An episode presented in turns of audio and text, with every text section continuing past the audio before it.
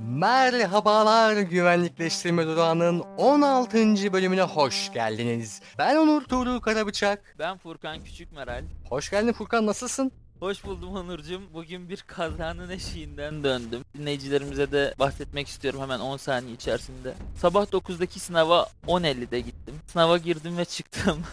Böyle bir rezalet yaşandı. En son birinci sınıfta bir sınava gitmeyi unutmuştum. Uyuyakalmıştım daha doğrusu. Şimdi yine benzer bir vakayla karşılaşınca dedim herhalde girişte ve sonuçta benzer şeyleri yaşadık. Akademik hayat bunu gerektiriyor. Sen nasılsın? Seni sormalı. Ya nasıl Allah aşkına o anı hayal etmek istiyorum. Yani aldın alarm çaldı. dedin. Kapattın telefonu. Döndün ters tarafa yattın.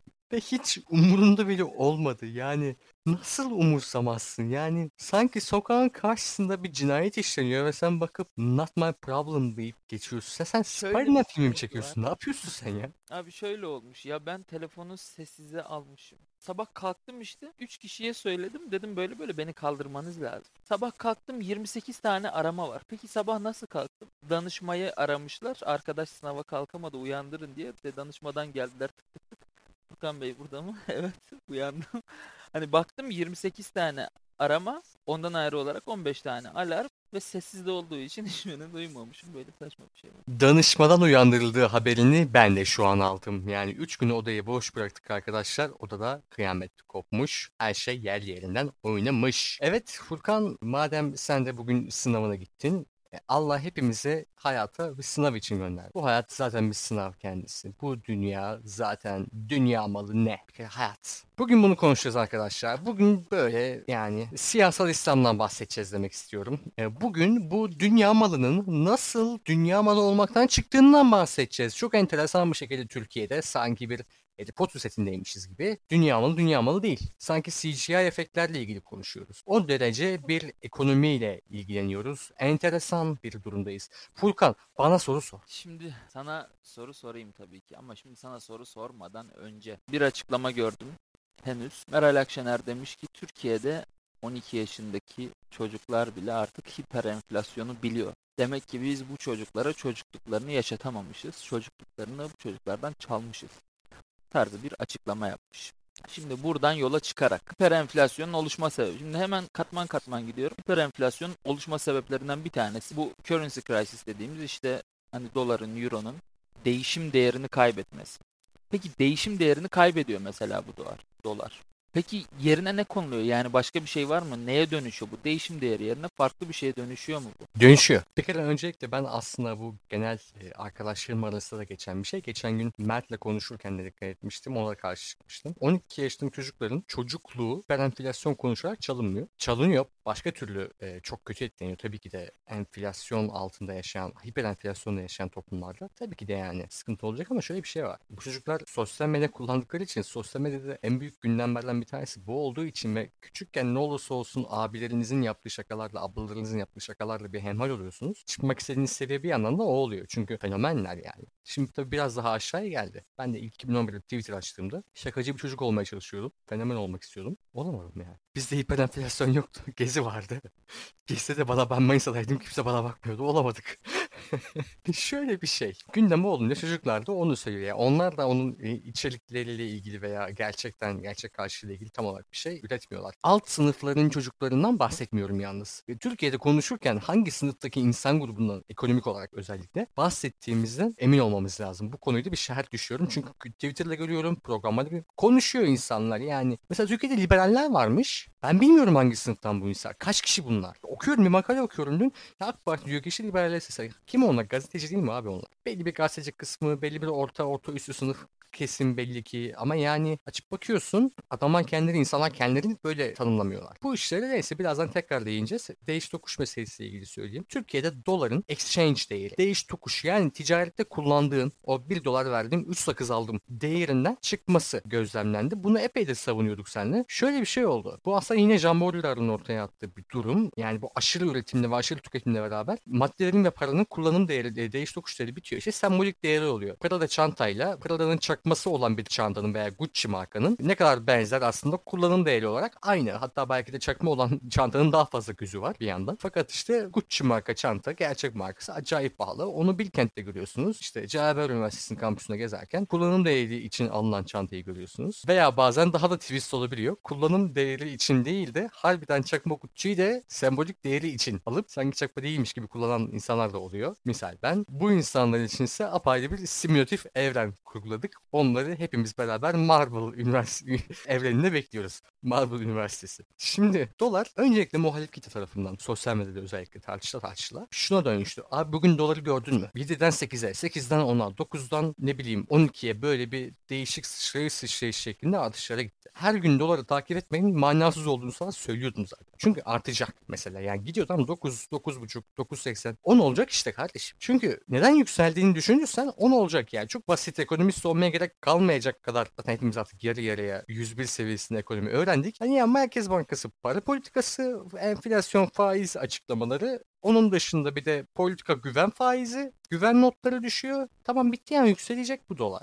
Abi ama ama şimdi 9.95 oldu. Yani dolar kaç liradan sonra her yükseldiğini halde rekor kırmış oldu. Dolayısıyla rekor kırmış olmasının rekorluk bir şey kalmadı. Yani 9 oldu dolar rekor kırıldı 9 oldu. Ya 10 dakika sonra 9 10 oldu bir daha rekor kırdı. Arkadaş Hüseyin Bolt bu kadar rekor kırmıyor yani. Demek ki rekor kırdı demek bir yerden sonra skandalı değil mi? Skandalı içselleştiriyorsun bir. İkincisi skandalın kendisi sistemin bozuk, sistemin bütün elemanların bozuk işlediğini gizler. Yani sadece o spesifik noktada bir sorun varmış. Yani hiçbir noktada sorun yokmuş. Aman Allah'ım bu skandalı çözersek ortalık oturacakmış gibi. Bazen hatta bilinçli yapılır bu skandallar. Şimdi dolar bir, skandal oldu. Daha sonra da sembolik bir değer oldu. Televizyonun sağ alt köşesinde Google'a dolar TL yazımıza çıkan bir şey. Twitter'a girdiğimizde gündelik olarak muhakkak takip ettiğimiz bir şey. Önce muhalifler arasında böyle oldu ve iktidara yüklenilmeye başladı. Haklı olarak yüklenilmeye başladı. Çünkü şöyle ticari değerine baktığınız zaman özellikle orta alt sınıfların yani senin benim yani öğrencilerin yani fabrikada çalışan milyonlarca insanın veya esnaf olan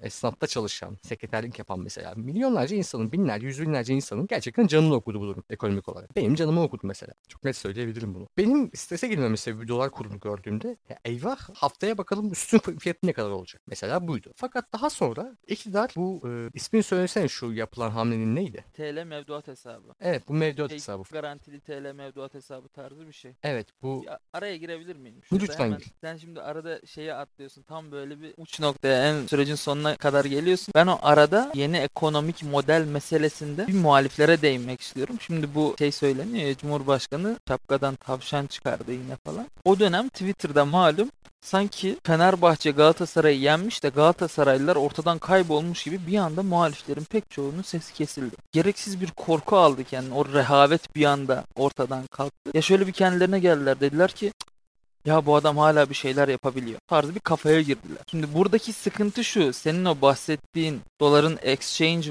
value'dan yani bir değişim değeri olmasından sembol değerine dönüşmesi en çok da muhalifleri vurmuş belli ki. Çünkü doların 18 liradan 11 liraya düşmesi 10 liraya düşmesi o an hiçbir şey ifade etmiyor. Belki 3-4 ay sonrası için bir şey ifade edebilir o da orada sabit kaldığı takdirde. Yani biz mesela yılbaşına girdik %52 zam açıklandı. Mesela sigaraya %47 zam geldi. Şu an Marlboro Touch Blue reklam da yapıyorum umurumda değil. 24 Türk lirası. Ben bunu 2 ay önce 17 liraya alıyordum. Ya dalga mı geçiyorsunuz benimle? Yani şöyle bir ortamda dolara ya da euroya bu kadar büyük değerler, bu kadar büyük bir sembolik değer atfedip iktidarın değişimini doların yükselmesine, iktidarın kalmasını da doların düşmesine bağlamak pek akıl kârı bir şey değil. Bu da bu eklemeyi yapmış olayım. Oradaki o aradaki bağ hani muhaliflerin o rehavetinin ortadan kalkmasıyla doların düşüşü arasındaki bağı kuralım dedim. Şimdi sen devam edebilirsin. Evet, çok güzel dedin. Yani oraya da yavaştan gelerekten şimdi ne dedik? Dediğin şeyin sebebi de şu. Muhalifler bu kez sembolik değerini yarattı. Bundan daha önce AK Parti hükümeti herhalde değil mi 18 yıllık olan kısmı diyelim 2020'ye kadar özellikle ekonomik büyüme rakamları üzerinden ekonomik büyümenin ticari değiş tokuş değerini ortadan kaldırarak bunu bir sembolik değeri çevirmeye çalıştı. Çünkü çok daha kolaydı. Ekonomik büyüme tüketimi arttırarak da sağlanabilen bir şeydi. Bu yapılmaya çalışıyordu fakat bu yani sadece gazeteci çevrelerinde, akademik daha aydın Biden veya işle uğraşan doğrudan bu tip çevreler kendi aralarında tartışırlarken önemliydi. Çok da fazla halk tarafından kabul edilmiyordu. Yani en azından Türkiye'de en az %30'luk diyebileceğimiz kemik bir muhalif hangi parti olursa olsun kemik bir muhalif kitle vardır. Bu kemik kitleye bir kere kesinlikle bu sirayet edemiyordu zaten. Fakat bu kez sembolikleştirme o kemik o %30 kitleden muhalif kitleden gel. Oradaki sözcüler bunu bu şekilde tartıştılar. Orada tartışılması gereken şey en başta hakikaten bunun ticari değerine vurgu yapmaktı ve alt sınıflara odaklanmaktı. Yani mümkün mertebe hat eğer planlı bir sosyal medya ekibi kurmak istiyorsanız ben olsam esnaf biriyle ve işte orta alt sınıfta işte bilmiyorum, öğrenci bir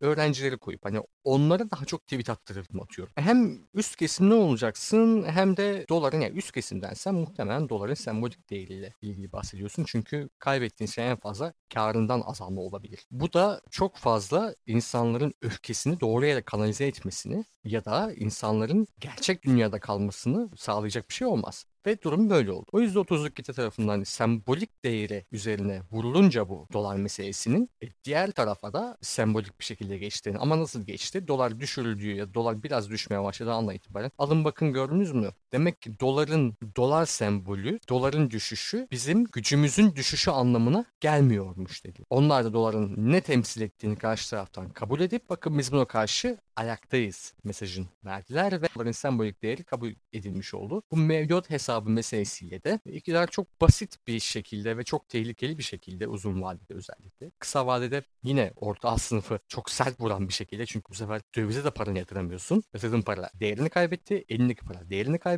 Zam düzgün alamadın, enflasyon acayip uçtu. Biz ne kala kaldık böyle ortada. ya ki kimse yine bizi konuşmuyor. Herkes sustu birileri de hani ya falan işte 3-5 ekonomist çıktı işte diyor ki bu uzun vade kamu kaynaklarından falan çok abi şimdi bırak kamu kaynakları benim cebimden gitti doğrudan benim cebimden gitti şu an gitti yani. Mahvoldum ben. Bunu söylesem belki de hani tekrardan oyun devam edecek siyasal iletişim bağlamında. Siyasal iletişim mantığında siyasal iletişimde kazanmak isterseniz çok tehlikeli bir durumdur yani bu topa bu şekilde girmek ve bunu yönetememek. Bu yönetilemedi. E, o yüzden de insanlar herkesin kafası karıştı ama özellikle de swing mode yani Türkiye'de bir %8 olan orta sınıf. Ortadakiler ne bileyim mesela mühendis adam veya tekniker tamam mı? 6-7 iyi maaş alıyor. Hani iyi denebilecek yani 50 yüz düzgün diyeyim. Ölmeyecek kadar maaş alıyor adam. Tamam adam veya kadın ölmeyecek kadar maaş alıyor abi. İşte bilgisayar var. İşlerini bilgisayardan hallediyor. Az çok okumuş. Büyük şehir görmüş falan filan. Belki bir 2010'larda yurt dışı yapmış gelmiş. Bu tip insanlar günde çok çalışırlar. Yoğun çalışırlar ve siyaseti mümkün mertebe seçim dönemlerinde dikkate alırlar ki aslında zaten Amerika'da mesela oylar bu insanlar arasında bölüştürülmeye çalışır. Türkiye'de de aslında bu insanları çekmeniz gerekir. Yani kemik kitleyle hitap etme macerası herhalde Türkiye'de siyasal iletişimin bilim dalı olarak pek oturmamış olmasından kaynaklı. Pek çalışan insan yoktur bunları. Zannedersen bu yüzden de insanlar kimi ikna edip edemeyeceklerini anlamıyorlar bir türlü. O yüzden de kutuplaşma devam ediyor. Yani bir ortadaki de alsan zaten işi çözeceksin yani. Neyse o ortadaki insanlar da onlar da bir kafa karıştı. Aha yani falan böyle gidip gelme mevzusu falan. Ya iyi miydik madem o zaman biz? Çünkü sonuçta o insanlara çok fazla şey anlattığın zaman mesela çok uzun uzadıya bir analiz yaptığın zaman rahatsız olacak o insan. Ya kafa, çünkü kafa ütülemek oluyor. Evet öyle zaten. Ya o insanlar güvenli bir ne bileyim siyasi ekonomik ortam bırakırsın. Onlar da yaşar seçim dönemi gelir oylarını kullanır. Gayet normal bir vatandaş gibi. Aslında olması gereken budur zaten. Fakat yani böyle karışık bir ortamda ya analiz yetiştirmen lazım insana. Analiz de yapılabilecek, dinlenebilecek bir şey değil öyle yorgun kafayla yaşadığınız zaman. Dolayısıyla dolar sonuç olarak bir tüketim maddesi oldu ama para olarak değil, sembolik olarak bir tüketim maddesi oldu ve böyle tuhaf bir settingde, böyle tuhaf bir durumda da bu durumdan iktidar ve iktidar seçmeni, iktidar partisi en azından kısa vadeli de olsa bir zafer kazandı. Ama bu zafer şöyle değil. Bu zafer bana şunu, şunu gösteriyor en çok. Benim konumla ilgili. Yani bir çocuk akademisyen olarak benim ilgilendiğim kısmı demek ki simülatif düşünce. Bu kavramı da bu programda ortaya atıyoruz. İnşallah yarın öbür gün akademikleşir. Simülatif düşünce muhalif kitleye de gayet sirayet etmiş. Bu karşı tarafın taktiklerinden de olabilir. Bu medium mesajdır. Kullanılan iletişim aracı iletişimin kendisidir. Manyanın kendisi yerine geçmiştir. Meselesinden de kaynaklanabilir. Bunu artık daha sonra tartışırız. Furkan'cığım süremizin sonuna yaklaşırken senin eklemek istediğin bir şey var mı? Eklemek istediğim çok kısa bir şey var. Şimdi muhaliflerin bir büyü bozumuna uğradığını fark ettik. Bir başka büyü bozumundan bahsetmeden geçemeyeceğim. Şimdi ben hani sadece Twitter'da konuşmuyorum bu konuyu. Yani böyle Twitter'da görüp sallayan kişilerden olmamaya çalışıyorum. Kendi çevremde de hani sağ muhafazakar kesimden çok tanıdığım var. içinde bulunduğum çevre gereği. Şimdi benim anladığım şey şu. Dolar düşürüldü. Bir iki günlük bir korku oldu muhaliflerde ve sağ seçmende, AK Parti seçmeni, Cumhur İttifakı seçmeninde ya da daha doğru yine birkaç günlük bir sevinç gerçekleşti. O reis yine işte şapkadan tavşan çıkardı vesaire. Bu tarz tepkilerle karşılaştık.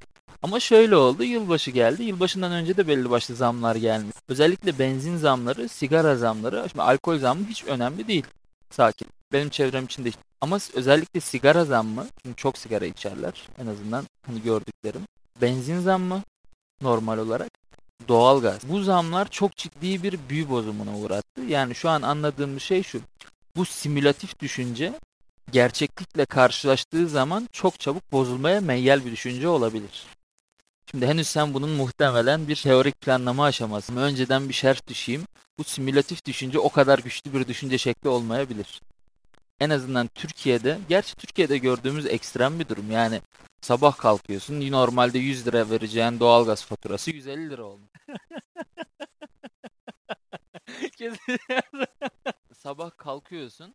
Nurettin Nebati gibi 100 lira vereceğin fatura 150 lira olmuş. Nasıl lan diyorsun yani. Böyle bir ortamda tabii ki o simülatif düşüncenin daha kolay bozunuma uğraması mümkün. Yani normalde de dünyada eğer ki buna dair farklı örnekler bulabilirsek sen Macaristan falan da çalış muhtemelen var. Yani dünyada nasıl oluyor örnekleri bilmiyorum ama Türkiye'de çok kolay bozuldu. Hemen yılbaşı gecesi bir baktık e, doğalgazda %52 ile %135 arası bir zam var falan. Toplamda %70 %80'e denk gelen ona zam buna zam. İşte meşhur Kemal Sunal'ın zama zam ekmeğe zam, suya zam şeklinde yaşanan bir olay sonucu ağır bir büyü bozumu gerçekleşti. Yani sen bir şey demek istiyorsun. Çok güzel söyledin aslında. Meşhur Kemal Sunal'ın ona zam buna zam şuna zam. Bak Kemal Sunal ne zaman vefat etti? 98 olması lazım değil mi? Böyle bir şey ya da 2001. Böyle, böyle bir şey. Böyle, böyle bir tarih. Bizim doğduğumuz sene olabilir ya. Evet 99 diye sanki. Şimdi Barış Manço da tam doğum biz 2000 değiliz lütfen bize 2000'li muamelesi yapmayın. Şöyle zam zam zam yıllardır olan bir şey ve zam yıllardır muhalefet yapılan bir şey ve bu aslında insana çok fazla e,